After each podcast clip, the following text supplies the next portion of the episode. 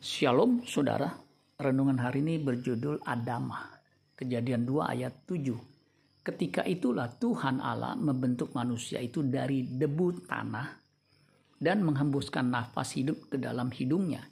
Demikianlah makhluk manusia itu menjadi makhluk yang hidup.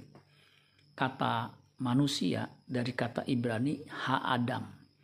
Kata ha Adam dari kata Adam. Kata Adam dari huruf alef dalef, da, alef, dalet, dan mem. Adam artinya mankind, manusia atau laki-laki. Adamah artinya ground, tanah, land. Sama, soil, sama, artinya tanah. Alef menunjuk kepada Elohim, Allah. Kata dam, dalep, dan mem artinya blood, darah.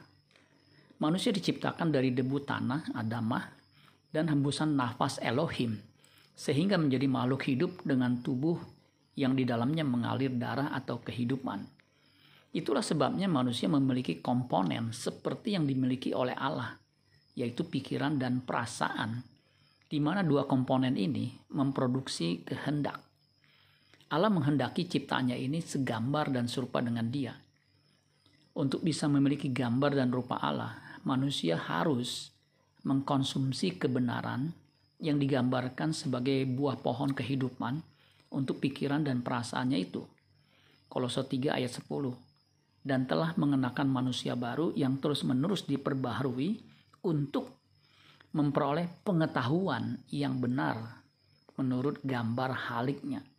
Ketika pikiran kita diperbaharui terus-menerus, sehingga kita memiliki kecerdasan rohani, akhirnya kita bisa membedakan kehendak Allah apa yang baik yang berkenan dan yang sempurna.